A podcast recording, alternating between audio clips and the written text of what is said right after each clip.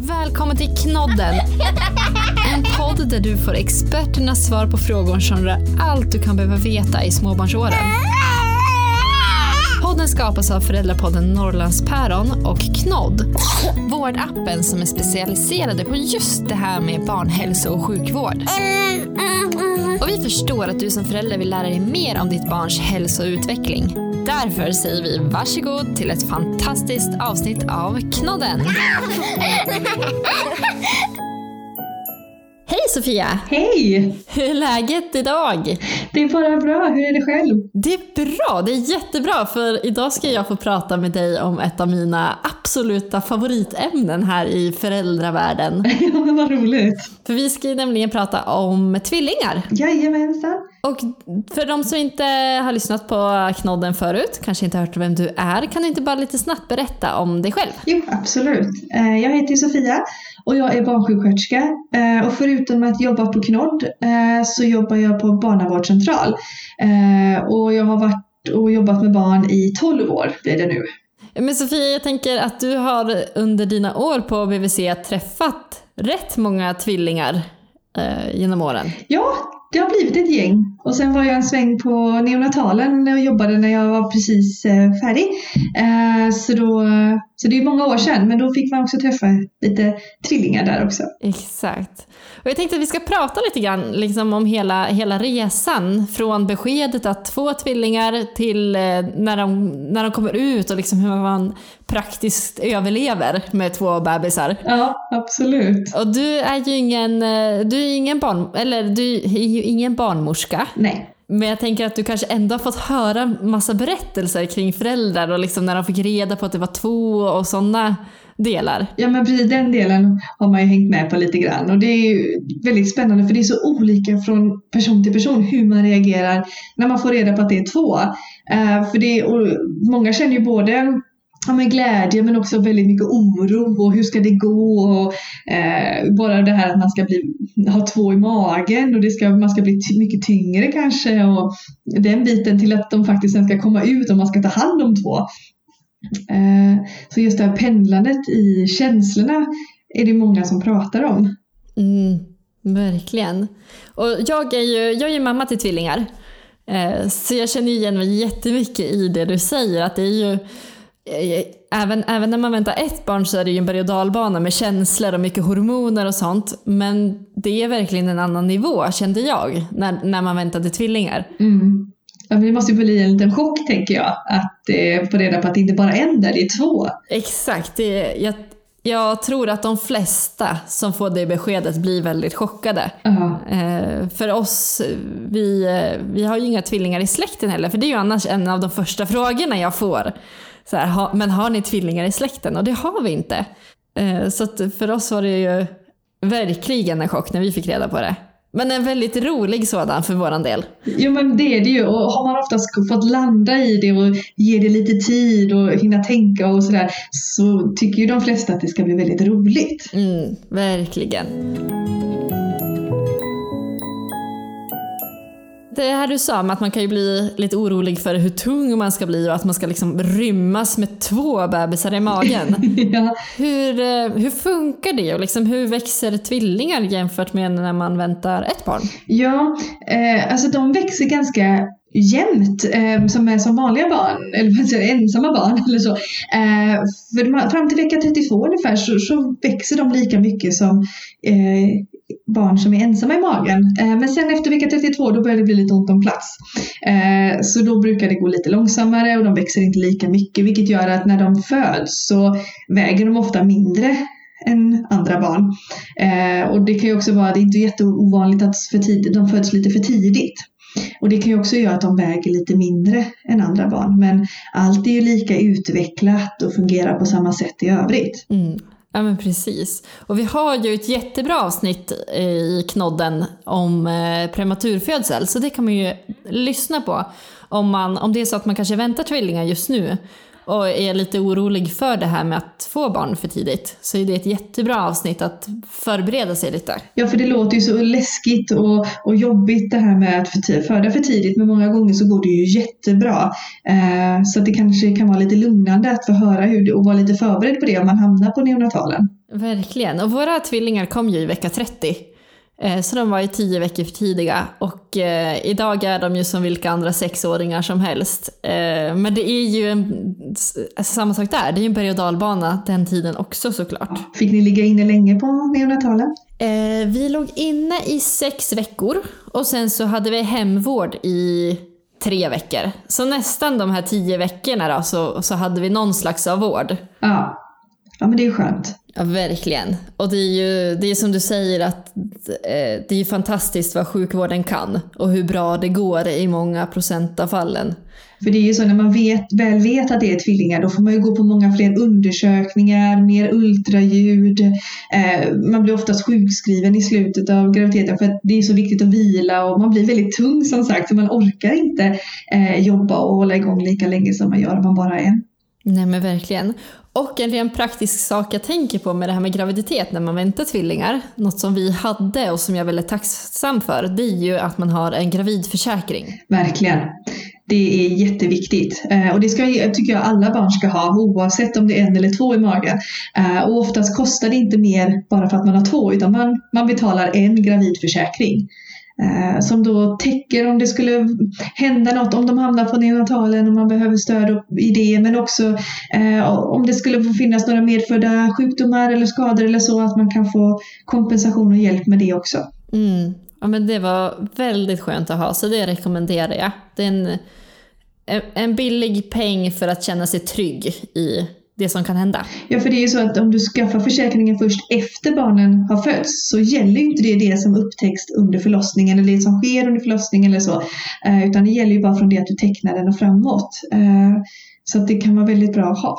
Mm. Jag tänker en annan rolig grej som jag ofta får höra med mina tvillingar. Eh, jag, jag har ju en tjej och en kille. och jag får ju höra och det här visste inte jag heller om, så det är inte för att dumförklara någon, men man får ju ofta så här, jaha men är de enäggstvillingar?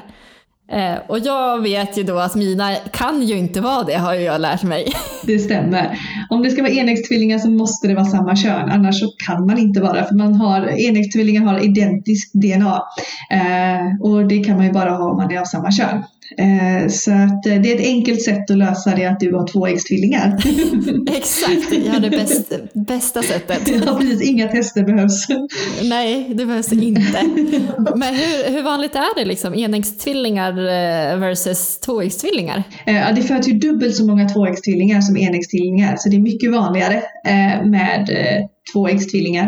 Eh, men däremot gör man IVF så är det vanligare eh, att man, eller så är det lite vanligare att man kan få enäggstvillingar än bara om man får eh, barn den vanliga vägen. Mm.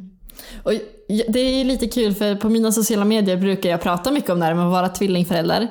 Och det är så många gånger som jag har fått frågan om har du något tips för hur man får tvillingar? Det är så många som liksom har den här drömmen om tvillingar och vill så gärna så här, hur gjorde ni? Ja.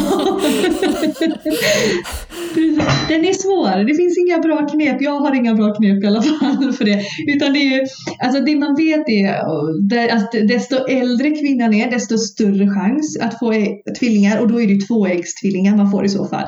För när desto äldre du är är, desto fler ägg släpper du eh, vid ägglossningen. Eh, så att det, man säger, jag tror att det är över 30 där omkring, då, då börjar man släppa lite fler ägg. Eh, så det är klart att vill, vill man chansa så får man vänta och skaffa barn eller skaffa fler barn efter 30. Precis. Då ökar chansen lite i alla fall. Precis, det är, den, det är det enda lilla tipset vi har. Ja, det är faktiskt det, tyvärr.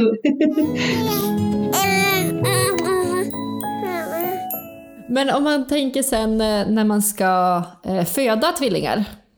Hur vanligt är det med eh, vaginal förlossning eller kejsarsnitt? Finns det något som väger över? Ja, alltså det är ungefär hälften hälften skulle jag säga att det görs eh, varje år. Eh, och, och det, men eftersom det kan hända att de Eh, behöver födas för tidigt då, eller man bara tar ut dem för tidigt, kanske för att de inte växer tillräckligt eller så att man behöver ta ut dem tidigare. Då blir det ju ofta att man kan göra ett kejsarsnitt eller om det är så att barnet inte mår bra eller någon av barnet inte mår bra för då kan det vara lite för, för påfrestande för barnet att genomgå en vaginal förlossning och då kan man ju också plocka ut barnet men annars så eh, låter man lite grann det ha sin gång. att eh, vänta på att vattnet går och att de får komma ut den naturliga vägen om, om det funkar. Mm, precis. Och blir det, jag tänker, blir det ofta så att jag har ju inte fött eh, mina tvillingar vaginalt utan de kom ju med kejsarsnitt eftersom de var för tidiga. Men jag har hört från andra tvillingföräldrar som jag har pratat med just det här att den, det andra barnet nästan liksom glider ut brukar de säga. ja men lite det... så är det faktiskt. Uh, det första barnet har ju vidgat livmodern och förlossningskanalen och allt det så, så att många är ju rädda när de ska få tvillingar att oj herregud ska jag trycka ut två barn, gör samma jobb två gånger. Men ofta så gör man det mesta jobbet med den första och sen som sagt så är det liksom en öppen kanal lite grann så att det blir oftast, oftast mycket fortare och det liksom lättare eh, med den här nummer två. Mm. Finns det någonting som du tycker att man rent mentalt ska vara beredd på? Liksom hur, hur ser det ut in i förlossningsrummet? Eh, hur, hur, är det som en vanlig förlossning eller är det något man ska veta om? Ja, det kommer ju troligtvis vara mer personal på rummet än vad det brukar vara. Eh, för man brukar ha lite en för varje barn. Så att oftast kanske man har en barnmorska eh, under själva arbetet inför förlossningen och det här. Men sen när det börjar bli skarpt läge då brukar man plocka in så att man är två barnmorskor och kanske två läkare och eh, lite sådär så att man eh, är två som kan ta hand om ett för varje barn. Mm. Ja men det känns ju bra att vara förberedd på och bra att veta om att det är standard så man inte blir rädd att gud vad mycket personal det kom in nu. Nej men precis för då är det lätt att man tror att det är något som är fel. Eh, men, men det är standard att man är mycket personal på just en tvillingförlossning. Sen kan man också vara beredd på att det kan ta lite tid mellan barnen. Eh, för vissa är det så här att ja, men första föds och sen ganska snabbt efteråt kommer nästa. Men det kan faktiskt dröja ett litet tag eh, innan nästa kommer ut. Så att, och, och då får man ju också titta liksom eh, att är det, alltså att det andra barnet ligger rätt. För att helt plötsligt, de har legat ganska tätt och magen har varit ganska stor. Och så kommer en ut och sen helt plötsligt så fick det andra barnet väldigt mycket plats och då kan den börja rotera i magen om man har otur. Att den inte hamnar i rätt läge med huvudet då som man vill. Eh, och då kan man ju behöva, oftast kan det vara att förlossningsläkaren eller barnmorskan håller i magen vilket kan vara lite obehagligt för att det ska trycka ihop den lite så att den inte ska bli så mycket plats så att barnet inte ska kunna hamna på tvären. Eh, för hamnar den på tvären kan man ju behöva göra kejsarsnitt om man inte får ner barnet i eh, kanalen igen, åt rätt håll. Just det. Mm. Och det, det, är ju faktiskt någonting som kan hända också, att, att första föds vaginalt och andra föds med kejsarsnitt. Eh, vissa gånger så är det så då att då eh, hamnar den på snedden och då får man, och lyckas man då inte vända den så får man göra kejsarsnitt. Så man kan få med om både en vaginal förlossning och ett kejsarsnitt på en och samma gång. Precis, bocka av allt. ja men precis, när man ändå är där. Exakt. Men jag tänker att efter, efter den här passion att få reda på att man har tvillingar och sen föda tvillingar och efter graviditeten, då börjar ju du komma in i bilden med, med BVC. Ja, precis. Då träffas vi rätt så mycket i början. Mm. Och vad, du som träffar alla oss nyblivna tvillingföräldrar, vad, vad brukar vi ställa för frågor till dig och hur brukar Vet, kan du känna någon skillnad mellan liksom att träffa en, en enlingförälder första gången mellan, och en tvillingförälder eller är vi lika, likadana? Till stor del skulle jag säga att det är ganska mycket likt. Man har samma frågor och samma funderingar. Sen blir det ju lite annorlunda för många mammor vill ju prata amning. Eh, men det blir en helt annan utmaning med tvillingar när man har två som ska amma om man nu vill det. Eh, och Många mammor tycker det blir jobbigt när partnern, om man har en sådan, eh, ska börja jobba eh, och man ska vara själv. Men det är som sagt en helt annan utmaning att vara själv med två. Eh, så att jag tycker att frågorna i sig är samma oro men eh, det blir lite annorlunda med tvillingar. Exakt. Och där tänker jag det rent praktiska kring föräldradagar och så skiljer sig lite grann också. Det gör ju det. Eh, så att man får ju man får fler föräldradagar eh, när man får tvillingar. Men man får faktiskt inte dubbla dagar och det är jättesynd för att eh, det vet jag det är många som känner att, att man får bara eh, 180 dagar extra eh, inte inte räcker till. Utan, eh, så att det, man får ju 480 dagar oavsett hur många barn man får och sen får man 180 dagar extra för varje barn. Eh, och sen får eh, partnern eh, också istället för 10, de här första dagarna 10, så får man 20 så de dubbleras. Man kan ju vara hemma en månad tillsammans eh, istället för två veckor och det är ju jättebra. Men många tycker att en månad är, eh, det är inte tillräckligt, man hade behövt vara två mycket längre. Mm, de är ju fortfarande väldigt små när de är en månad. Ja precis, speciellt om de har kommit för tidigt och sådär. Sen får man ju, om barnen ligger på sjukhus eller man ligger, då behöver man ju inte ta sina föräldradagar utan då får man ju vård av barn. Så det kan vara bra att veta att inte ta ut sina föräldradagar förrän man är hemma och allt, man liksom är redo att vara självständiga. För de vill man ju ha när man kan. Verkligen. Och där har jag ett bra tips när vi låg på Neo som inte jag visste om. Det är ju att kuratorer som finns på sjukhus är ju jättebra att ta hjälp av i de här frågorna. Ja, de är helt fantastiska. De kan alla de här reglerna och vet hur man ska fightas med Försäkringskassan och alla de här intyg och allt, allt sånt. Så att, har man möjlighet att få, få prata med en kurator eh, så, så är det kanon. Och många gånger finns det även, om man inte har legat på NIO eller inte har så finns ju eh, ibland att det finns koppling från, mellan BVC och eh, ja, eh, förebyggande socionom eller kurator eller någon sån här person som är väldigt duktig på de här eh, sakerna. Så det kan man ofta få tag på oavsett om man har legat på sjukhus eller inte. Exakt, för det är ju det är någonting som är väldigt skönt, man har ganska fullt upp med annat så man kan få lite stöttning i de här praktiska delarna eh, tyckte, tyckte jag var väldigt, väldigt uppskattat. Ja, och det är en hel djungel med information och som man, sånt där som du bara ska veta och att du har nytta av att ha koll på. Så att eh, de är väldigt, de är guld värda de där som kan det där och kan råda och hjälpa. Exakt. Men hur är det, du sa att om eh, ja, men det här med partner från dubbla dagar och så. Vad, om man är ensamstående och får tvillingar, vad, vad händer då? Ja, då får man ju alla dagar själv. Eh, så då, får, då hamnar alla 480 plus 180 då, eh, på den ensamma föräldern. Så det får man ju. Och skulle man få tre barn, då får man ju 180 till. Så för varje barn så lägger vi till 180 dagar. Så mer barn, eh, längre ledigt. ja, lite längre ledigt i alla fall. Kanske inte tillräckligt så att det är värt att skaffa allt för många på en gång. Och de, jag kommer ihåg att de sa det, att tvillingar är ju nästan eh, ur den bemärkelsen det svåraste att få för att du inte får dubbla dagar. Eh, får du tre barn så får du ju nästan dubbla dagar och kan i alla fall vara båda hemma. Och sen så är det ju det att man eh, kan vara hemma, alltså hur man väljer att dela upp sin föräldraledighet och så, det är ju helt upp till var och en. Men vill man kan man ju ta ut föräldraledighet då på olika barn och på så sätt vara hemma mycket samtidigt om man, om man vill det. Exakt. Man kan, eh, man kan ju pussla på ett annat sätt när man har två. Ja, precis. Och sen så får man ju, däremot får man ju två barnbidrag. Där får man fullt barnbidrag för två barn. Så det får man i alla fall. Men jag tänkte då när man kommer hem och när du träffar de här tvillingföräldrarna, har du några bra tips? Alltså något som man kan eh, börja förbereda sig på innan eller om man är mitt uppe i det här nu? Ja, eh, försök, alltså har man vänner, familj som kan hjälpa till, eh, ta, ta all hjälp ni får. Alla gånger de erbjuder sig, hoppa på det. För de behöver kanske inte ta hand om barnen så mycket alltid, men det är just det här runt omkring, eh, laga mat, ehm, fixa med liksom städning och tvätt och allt det här andra som man kanske inte hinner med. Eh, och serva med mycket och liksom just det när man ska sitta och amma och sådär. Kanske någon som tar det ena barnet men när man ammar det andra om man nu inte vill dubbelamma och sådär. Så att all hjälp är också guld värd. Så att våga be om hjälp och ta emot den hjälpen som kommer.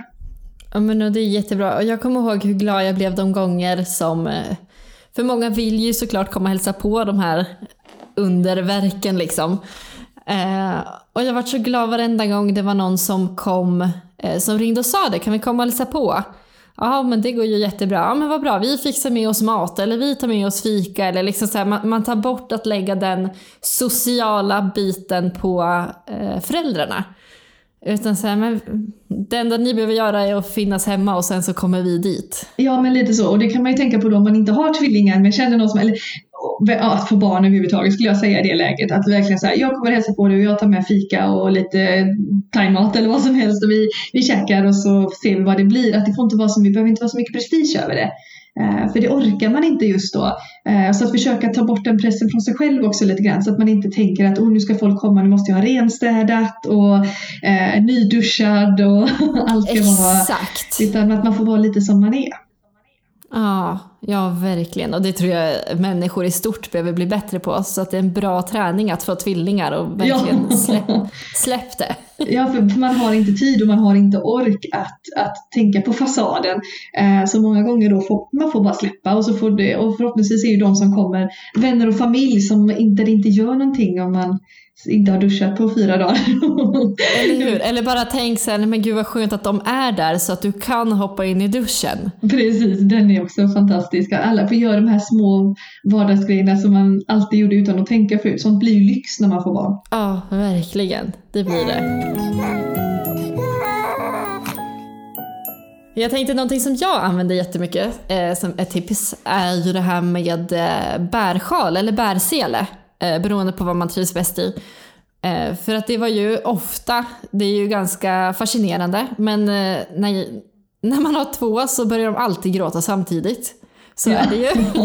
ja. Eller avlöser varandra. Exakt. Och båda två är lika jobbigt. I Men och just att bara kunna ha en, eh, någonting som, som gör att man kan ha armarna fria. Eh, ant, antingen för att ha ett barn i famnen och ett barn i bärsele. Eller kanske om de byter om varandra som du sa, att ändå kunna göra någonting annat en sekund. Jo men verkligen, det är så bra. Och många bebisar, speciellt de första liksom 6-8 veckorna, de vill oftast bara vara i famnen. De sover godast då, de är lugnast, de är trygga. Eh, så många gånger så är det jättemysigt när de sover och myser när de är i famnen och så fort man lägger ner för man tänker yes nu, nu har den somnat och så lägger man ner och så blir det, börjar skrika direkt som ett litet alarm. Eh, så att många gånger att bara kunna gå i famnen då och lägga i bärsele och kunna ha händerna fria, det är jättemycket enklare. Mm. Så det, och det finns ju bärselar för tvillingar om man skulle, om det är så att de nu absolut vill vara i famnen båda två samtidigt och man känner att man kanske eh, inte kan ha ett barn i bärsel och våga hålla, att det blir lite otympligt. Så det finns ju bärselar eller så för tvillingar också. Mm, precis. Eh, en annan grej som jag kommer ihåg att det var en av de första frågorna som dök upp i mitt huvud av någon anledning när jag fick reda på att vi väntar tvillingar. Och det är ju liksom så här, men hur sover tvillingar? Behöver jag liksom ha, behöver jag ha två spjälsängar? Behöver, jag, behöver de ha två egna rum direkt? Alltså hur, hur ska jag tänka kring det? Ja, det, man, det där är det ganska enkelt, för de är så vana av att ligga tätt ihoptryckta i magen. Så de trivs oftast bäst att sova nära varandra även när de har kommit ut. Det blir också en viss trygghet för att de är, det är så de har haft det i nio månader. Så det är så de känner till och då blir de oftast lite trygga av varandra också. Eh, så att nej, man behöver absolut inte ha två sängar eller så, utan lägg dem gärna ihop, både i barnvagn och i, i spelsäng och, och, och liksom om man har ett litet större näste, för nästet är ju lite mindre, eh, så, så funkar det alldeles utmärkt och ofta sover de väldigt gott. Mm. Våra tvillingar är ju nu sex år som sagt och de sover ju fortfarande i samma säng. Gör, det? Vad mysigt. Det, vi har prövat någon gång att dela på dem men då sover de inte alls lika bra. Eh, så nu, nu har de en dubbelsäng istället så de sover båda två där. Nej vad mysigt. Ja, men det, det är ju verkligen så. Det kan sitta i så länge det här bandet tvillingar emellan och så. Och, och då tycker jag att då kan man ju få göra det. Det gör ju ingenting om de sover gott, de är trygga och lugna i det så är det ju kanon. Exakt, jämfört med lilla syster som absolut inte kan sova bredvid någon annan. Hon sover själv. Nej. Lite mer självständig där om andra. Exakt, men jag tror verkligen att det, det spelar in och sen är det ju väldigt olika det här bandet hur, hur mycket och hur de är som personligheter och sånt där. Eh, ja, nej men det stämmer ju för att eh, som, som du har då som tvåäggstvillingar, de är ju egentligen inte mer lika än syskon. Eh, de har inte samma DNA på samma sätt och, och sådär. Så att, det finns ju de då som är mycket mer självständiga och det blir ett sånt syskon och så finns det de som har väldigt nära kontakt och väldigt tajta även om man är tvåäggstvillingar. Så det får man ju se och även enäggstvillingar kan ju vara Alltså även om man har samma DNA kan man ha olika intressen och temperament och, och, och liksom miljöpåverkan styr ju också. Så att eh, man blir ju inte kopior av varandra bara för att man är enäggstvillingar. Nej men exakt. Men jag tänkte, du var inne på det lite grann förut också, det här med amning. Eh, som blir lite speciellt, eller speciellt, men det, man ska ju mata två helt plötsligt. Ja men det, blir lite annorlunda. Det, det blir ju inte bara det här att ja, ett bröst varannan gång eller äh, sådär utan nu, nu kan man ju, och då här får man ju välja lite hur man vill göra själv för att det är klart att det är en utmaning och vissa tycker att det är lättare att dubbelamma. så att man får det gjort samtidigt och då blir det inte lika utdraget. Eh, och vissa tycker att det är väldigt eh, bökigt att dubbelamma och hellre matar en åt gången. Eh, och då beror det på, vissa barn vill ju äta samtidigt, de hamnar precis i samma cykel. Eh, och vissa barn gör det inte. Eh, så att där får man ju se då. Och ibland så behöver man komplettera eh, med ersättning eh, och ibland så räcker det. det. Finns liksom inga, man klarar att hela tvillingar. Kroppen kan producera tillräckligt med mjölk så det räcker till båda. Men man ska ju också må bra och orka med och, så att man får se kombinationen barnets bästa tillsammans med mammans bästa. Mm, verkligen. Jag dubbelammade ju inte. Eh, jag, jag, testade det lite grann men kände att det var inte... Eh, I och med att de var så små, det var ju redan på neo, eh, så var det... Det var så många som krävdes för att få till det. Ja. och plus att en av våra tvillingar åt väldigt dåligt. Så då för hennes skull och för min skull så bestämde vi att de fick amma varannan gång och ta flaskan varannan gång. Med, med utpumpad mjölk i. Och det gick också jättebra. Ja, ja. ja, det var inte dåligt att du orkade också då pumpa däremellan för det kräver ju en del det med. Mm, jag gjorde ju det i princip till de var tre månader tror jag. Sen vart det ersättning. Ja, men det är starkt jobbat får jag säga då. För det, det, är tufft att både, både då amma eh, två stycken och sen hinna pumpa däremellan. För det är lite det som krävs också. Och ett alternativ det är att man pumpa då när man inte eh, när man är på andra bröstet. Och det kan man ju göra medan man ammar på ena just för att det ska, för då släpper ju utdrivningsreflexen igång lite bättre när man ammar vilket gör att man kan släppa ifrån sig mer mjölk till pumpen också. Eh, så, då, så, att, så att det är ju bra, men man säger ju också att all amning är bättre än ingenting så att det är inte helamning utan alla droppar är, är guld värda där. Så att det är ju bara att eh, orka så länge man orkar. Och när man känner som du säger att man inte det blir för mycket, man orkar inte mer, då är ersättning ett jättebra alternativ. Exakt, och vi gick faktiskt över till ersättning helt när de var ungefär sex månader. Ehm, för att då började Hampus jobba mer och jag skulle vara ensam med dem. Och då till exempel när man var ute och så skulle jag amma en samtidigt som jag flaskmatade den andra så skulle man komma ihåg och skulle man blanda. Äh, så till slut så var det bara lättare att säga nej men nu har jag två flaskor med och då vet jag att då får båda mat hela tiden och det blir bra. ja men precis, för det är många som tycker att det är jobbigt det här med att amma offentligt och då amma två. Eh, det, det, krävs som sagt, det krävs lite mer och att man får plocka av sig mer kanske och lite sådär och eh, inte alla som känner sig så bekväma med det. Nej, verkligen. Så verkligen gör det som, som ni och bebisarna mår bäst av. Ja men precis, för bebisarna mår bra av att mamma mår bra. Det, så att man får inte lägga för mycket press på sig själv att, att äta ersättning. Man blir stor fin vuxen på ersättning också. Det är klart, det finns fördelar med bröstmjölk, absolut, det ska vi inte säga så. Men, men det är jätte, ersättning är ett fantastiskt komplement när man inte kan eller vill amma. Mm. Och det var också, jag vet att Hampus tyckte det var otroligt fint att få sin stund med barnen. Alltså för den här matstunden är ju speciell. Jag blir lite tårögd när jag tänker på det. men det är, ju, det är ju verkligen något speciellt. Man knyter så starka band med barnen redan där. Ja, det gör man verkligen.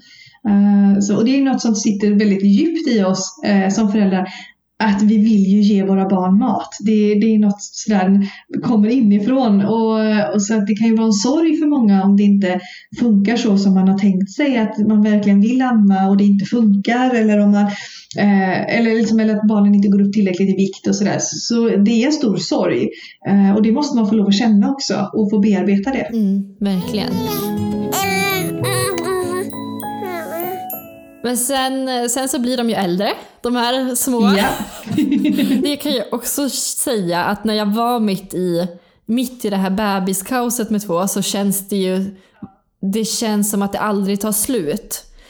Allting går liksom bara runt, runt och man matar och man söver och man byter blöjor och man matar och man söver och man byter blöjor och så gör man det på två stycken och så ska man försöka få dem i synk för det kommer jag ihåg att vi tyckte var viktigt. Det är inte lätt. Alltid. Det är inte lätt. Och det tar ju ganska mycket emot ibland när en vaknade och var hungrig och så behöver väcka en sovande bebis. Det är ju ganska onaturligt. ja, men, har man bara en så är det så här, åh väck inte den björn som sover. Utan, eh, så. Men eh, med tvillingar så kan det ju vara lättare att väcka den som sover för att mata just för att de inte ska hamna helt osynkade så att man inte gör annat än att mata. Nej, för sådana dagar hade man ibland. Ibland vart de helt och nätter, tyvärr. Ja. Oftast. Men, och då, då, är det, då är det mycket. Alltså, då går det i ett hela tiden om de inte är i synk. Så att det är värt att väcka det där. Ja, men speciellt på natten som du säger. Vill man inte göra det på dagen, helt okej, för då, då är man ändå vaken och förhoppningsvis lite pigg och med och sådär. Men på nätterna så gör man sig själv en stor tjänst att försöka väcka dem så att de får äta samtidigt så att man inte sitter uppe hela nätterna. Men vad brukar du prata liksom, när, när barnen blir lite större och äldre och det börjar komma andra funderingar? Vad kan, vad kan det vara funderingar som du brukar få höra? Ja, många gånger är det det här att man jämför sina barn. Eh, både med andra och med varandra. Eh, och jag försöker säga så gott det går, även om det är jättelätt att göra, att försöka undvika att jämföra dem. För de är verkligen två egna individer.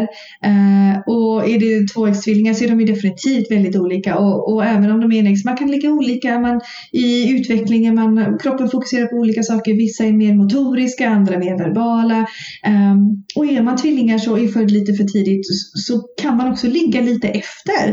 Eh, man kommer sig, det kommer alltid, det är ingen fara. Men liksom att både det här att lära sig krypa och gå och prata och, och, och växa. Man är ju som sagt lite mindre eh, och vissa barn kommer alltid vara lite mindre och kanske inte bara för att de är födda för tidigt utan faktiskt genetiskt också. Eh, alla kan ju inte bli två meter. Ehm, så, så att också det här att det kan faktiskt vara rent genetiskt. Vad är förutsättningarna för mina barn? Hur lång är jag? Hur lång är min partner? Eh, vad är, hur, hur rimligt är det att vi ska, vilken kurva ska vi landa på? Och eh, att acceptera den de faktiskt hamnar på om de växer fint och harmoniskt efter den. Mm, precis. Och vi har ju alltid, alltså från att vi kom ut från nio ungefär, så har vi fått höra när vi är ute, bara, men hur mycket skiljer det mellan dem? För att vi hade ju en som var väldigt lång och har fortfarande en som är väldigt lång och en som är väldigt kort. Så att de trodde ju att det säkert var liksom ett år mellan dem. Ibland så vart man så här, men hur, hur tänker du att jag kan ha fått två så här små? Ja, ja precis. Men, eh, men eh, nu är det väldigt stor skillnad på dem och vi får ofta höra det. Ja, det är det. Ja. Det är ju någonting som vi, vi försöker som sagt att inte Framförallt inte framför dem att jämföra med gud vad lång Mattis är eller varför är inte Leia lika lång eller ehm, utan att eh, nej men det, det är dem. Det är inget, Ja, precis. Och, så här, och att de hade säkert blivit precis likadana om de föddes var och en för sig. Eh, att det hade nog inte varit någon skillnad. Men det är så lätt att jämföra. Man har två som är exakt lika gamla, som kommer från samma gener och då är man väldigt snabb att liksom, att vilja jämföra. Eh, och det gör man ju oftast med, med syskon överlag. Det tycker jag är väldigt vanligt på BVC att de kommer och säger när jag har småsyskon att ah, men, åh, hon eller han är så mycket tidigare att prata än vad hon- storebror eller storasyster var. Och så där. Man, man jämför ju sina barn alltid. mm, verkligen. Och det är ju svårt att inte jämföra eh, eftersom man, man gör det ju inte man gör det ju inte för att någon, att någon är bättre eller sämre.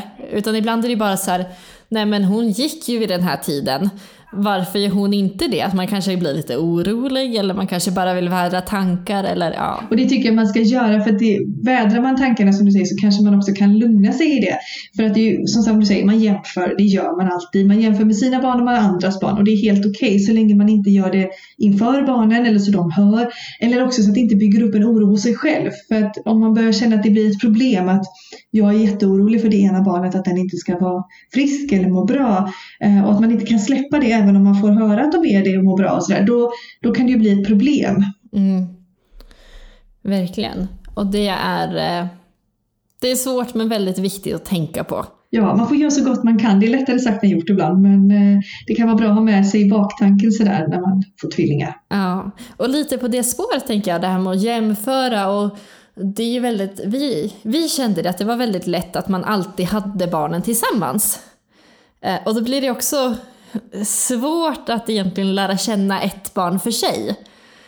Eh, hur brukar du tänka kring det här med liksom egentid med tvillingar? Mår de bra av det eller är det, mår de bäst tillsammans eller vad ska man tänka? Jag tror att de mår bäst av en blandning. Att, eh, som du säger, de trivs jättebra ihop ofta så att då kan man göra mycket.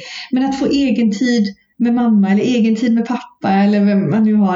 Eh, det är viktigt, precis som att man gör det med andra syskon, att man försöker hitta egen tid. Så det jätteviktigt här att de får eh, liksom sin egna tid att prata med föräldrar och lära känna och eh, få egna minnen och, så. Och att det kanske också blir lite det här att de får bli lite egna personligheter så att de inte klumpas ihop som en.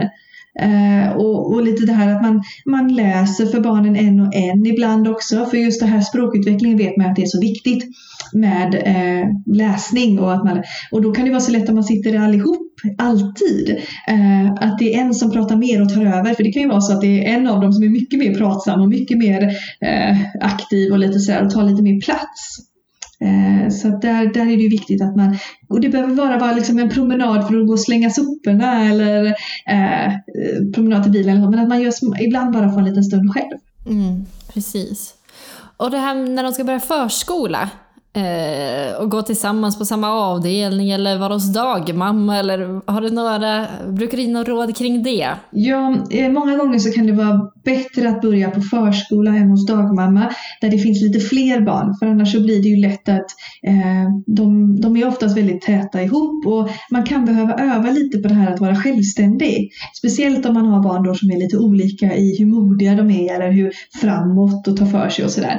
Eh, så är det lätt att för en tvilling är ljumma gömma sig bakom en annan, speciellt hos en dagmamma där man inte behöver utforska och lära sig att knyta an med andra barn, kompisar och samspela och sådär. Eh, så det kan vara en fördel att börja på förskola istället för att börja hos dagmamma. Hur gjorde ni? Eh, våra går på en eh, liten förskola. Mm. med typ ungefär 27 barn. Men de har gått på samma avdelning men vi har haft väldigt bra dialog med Eh, förskolan hela tiden. Och det är väl någonting som jag rekommenderar att om du funderar på det. Att säga, men, Eh, vi, vi har ju sagt att tills de kan uttrycka själva att de inte vill vara med varandra så ser vi gärna att de är med varandra för att ha tryggheten.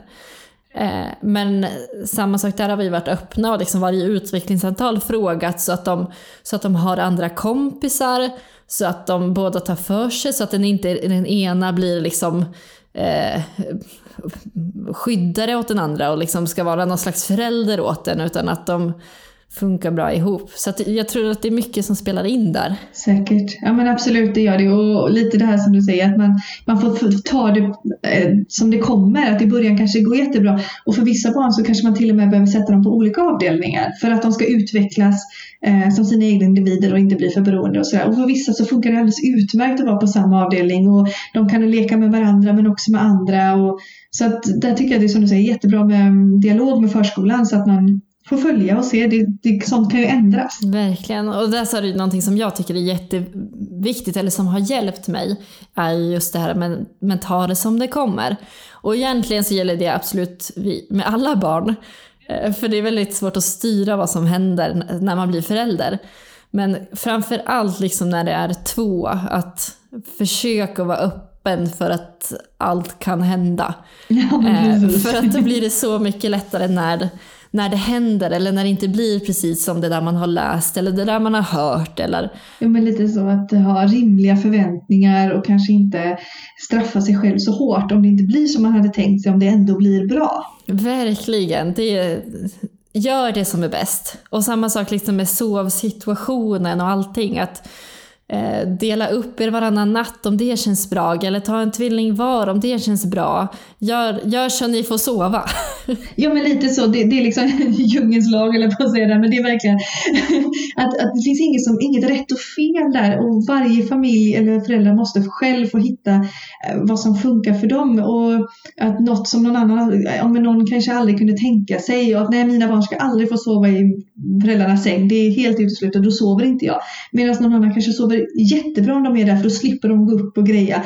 Så att hitta det som funkar och prata med BVC om man vill ha tips och råd om hur man kan göra och försöka hitta vad skulle passa för er. För ibland kan det vara svårt att komma på saker som man kan testa. Mm, verkligen. Och där tänker jag också att knodd är superbra om man sitter hemma och är lite fast med två skrikande bebisar och man vill ha rådgivning kring, kring de här sakerna vad kan jag göra eller är det något som är fel? Alltså för den tanken har man ju också haft flera gånger. Och, så, och vi på Knodd, vi är mycket där just för här och nu. Vad kan vi göra här och nu? Eh, och kanske svårt att sitta och ha, eftersom man inte, på BVC lär man ju känna familjerna och man följer barnen och vet vilka de är och hur det funkar. Och det är ju svårare för oss på Knodd som inte har riktigt den tiden att gå in djupare. Men man kan absolut ringa oss när det är här och nu, som du säger, något fel. Har barnet ont, vad ska vi göra?